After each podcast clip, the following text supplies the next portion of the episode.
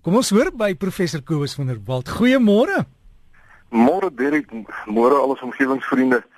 Uh Derek, ja, want dis 'n argument eintlik wat so oud is soos die berge, jy weet, mense wat dink uh dat as as mense as as navorsers kom ons praat net eers oor navorsers. Kyk, 'n universiteitsdosent se se eintlike werk is navorsing. Baie mense dink ons werk is om vir studente klas te gee. Dit is maar so 40% van 'n tipiese dosent se werk. Ons werk is eintlik om nuwe kennis te genereer. So hierdie dolfyn navorsing om met hulle te kan kommunikeer is nou tipies wat 'n uh, universiteitsdosent sal doen. En uh, nou ja, nou is daar mense wat sê maar kan die geld en die aandag dan nie spandeer word om eerder te soek na oplossings vir siektes of uh, baie mense sê ons moet die geld gebruik om huise te bou of sulke goeders. En uh, dis 'n dis 'n argument wat wat so oud is soos die berge want uh, die as jy nou teruggaan na die basis van die argument, dan is dit die vraag um navorsing ter wille van navorsing, die generering van kennis ter wille van nuwe kennis, is dit aanvaarbaar of nie? En ek gebruik altyd die voorbeeld met my studente. Jy weet as ek nou gaan sê, goed, ek wil nou 20 miljoen rand hê want ek wil nou die verspreiding van 'n sekere soort padda in Suid-Afrika. Wil ek nou gaan navors, ek wil in al die riviere gaan kyk waar oral kry ons nou hierdie ding. En dan wil ek op die ou net 'n kaart teken wat wys waar die padda nou oral in Suid-Afrika is. Dan is daar nou mense wat sê maar daai 20 miljoen rand kan 'n mens baie beter gebruik. 'n Mens kan uh, huise bou vir arme mense of jy kan uh, mense oplei en so aan. Maar jy weet as mens daai argument nou deurvoer op 'n stadium 100 of 200 jaar gelede was daar 'n navorser, 'n entomoloog, 'n insekkundige wat gewonder het waar oral kry mens die Anopheles muskiet. En as as as hy nie daai navorsing gedoen het nie, het ons vandag waarskynlik nog nie geweet dat malaria deur 'n Anopheles muskiet oorgedra word nie want dan het ons nie geweet waar oral kry jy daai spesifieke muskiet nie. So destyds sou daar seker ook mense gewees het wat gesê het, "Maar man, wat maak dit nou saak aan mense waar 'n muskiet nou oral is?"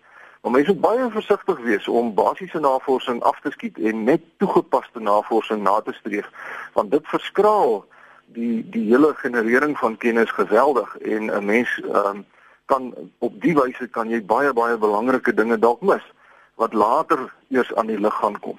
Maar goed, kom ons kom terug by die omgewing. Uh, Derek, ek wil vanoggend gesels oor 'n kwessie wat veeboere gewoonlik warm onder die kraag maak.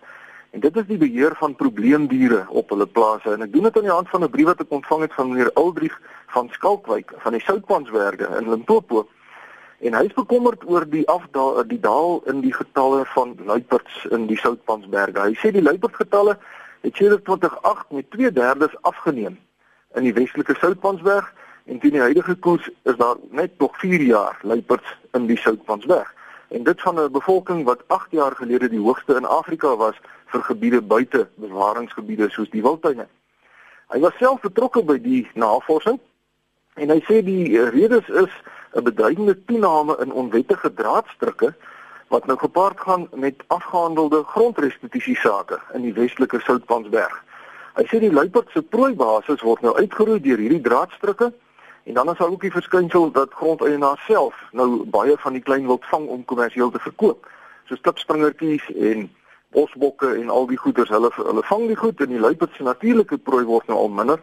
En nou begin die luiperds die vee te vang en, en dit maak dan nou dat die boere nou weer kwaad is en kommersiële boere wat dan soms onwettig gif uitsit om die luiperds te dood uh, of hulle bloot op sig skiet.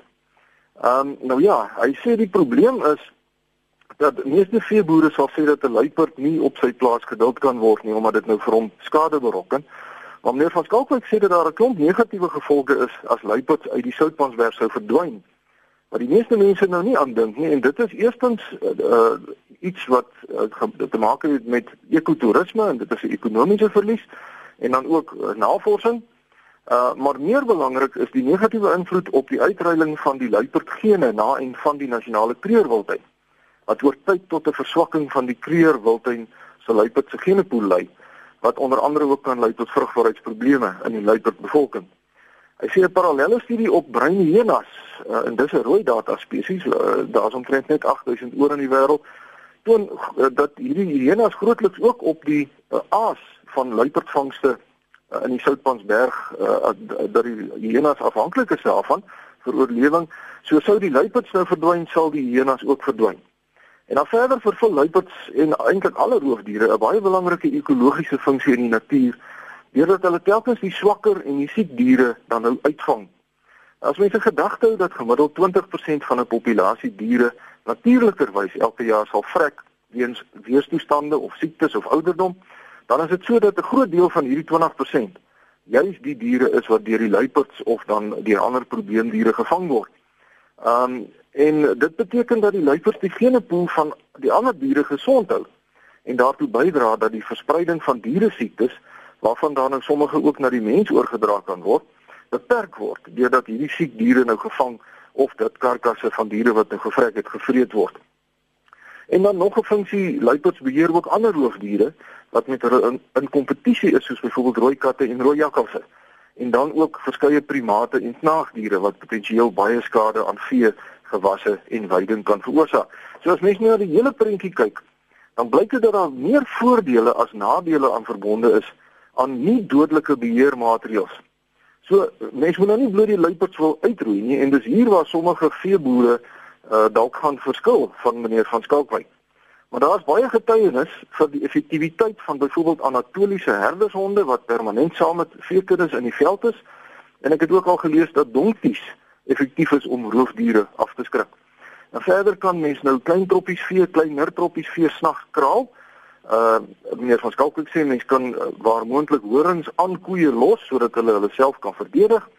En dan sê hy ook dat ou koeie met roofdierondervinding ook in 'n kudde gehou kan word selfs al kalf sy nou nie meer so gereeld nie. En dan is daar nog ander maatreëls wat 'n mens ook kan tref. Hy beklemtoon uh die die idee of die feit dat sy idees nou regtig nie daarop gemik is om boere se lewens nog moeiliker te maak nie. Hy sê dis reeds moeilik genoeg vir ons boere om kos op ons tafels te sit.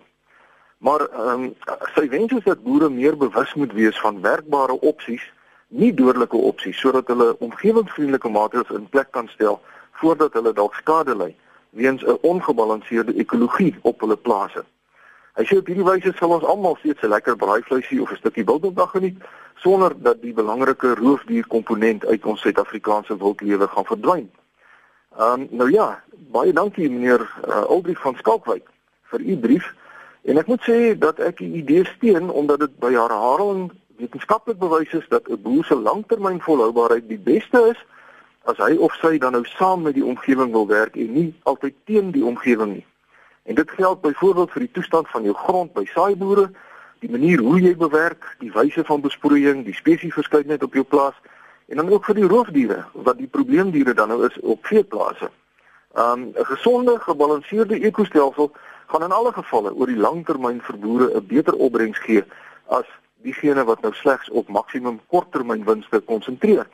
En nou soms het boere geen keuse nie as om probleemdiere uit te roei. As die goed eenvoudig so baie word, dan ehm um, vanweer die mense inmenging, dan moet die boere skiet en en ander maatreëls gebruik.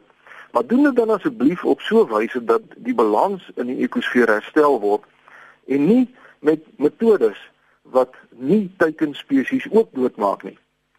Ehm um, maar ek dink dat nog baie grondeienaars miskien anders sal dink oor probleemdiere as hulle na die onmisbaarheid van die belangrike funksie van roofdiere in die ekostelsel kyk. Jy weet 'n dassie byvoorbeeld, ehm um, Derek my skoonpa boer met met vee in die in die in die Karoo en hy het my gesê dat dassies, vier dassies vreet omtrent soveel soos 'n bees.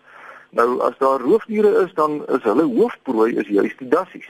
So skiet nou die um, die roofdiere uit dan word die dassies meer en dan word jou veld weer minder. So dis 'n balans waarna mense moet kyk. Mense moet altyd na die groot prentjie kyk voordat mense nou sommer wild en wakker begin skiet en definitief voor mense dan nou jouself wen tot onwettighede soos om gif uit te sit en draadstrikke en die klas van dinge. En daarmee sluit ek af vir oggend. Um, om ons omgewingsvriende kan gerus vir my skryf. My e-posadres is kobus.vanderwalt@ uh, by nwu.ac.za. Ek hoor Derek jy het gesê baie mense sê CO. Die normaal is CO, maar dit staan vir commercial. Al die akademiese instellings se e-pos het 'n ac.za agteraan. Of dan kyk maar net op Facebook se omgewingspraatjies blad. En daarmee sê ek vriendelike groete tot 'n volgende keer. Alles van die beste aan professor Kobus van der Walt en onthou die e-posadres is kobus.kan@kobus.vanderwalt by nwu.ac.za en jy kan ook gaan loer op Facebook omgewingspraatjies die meervoud. En onthou met die luiperds die Landmark Foundation help om om luiperd te gaan vang en op 'n ander plaas te gaan plaas. En dis een van die min katsoorte wat glo nie terugloop na waar hulle vandaan kom nie. Iets om aan te dink maar asseblief hou ons omgewing mooi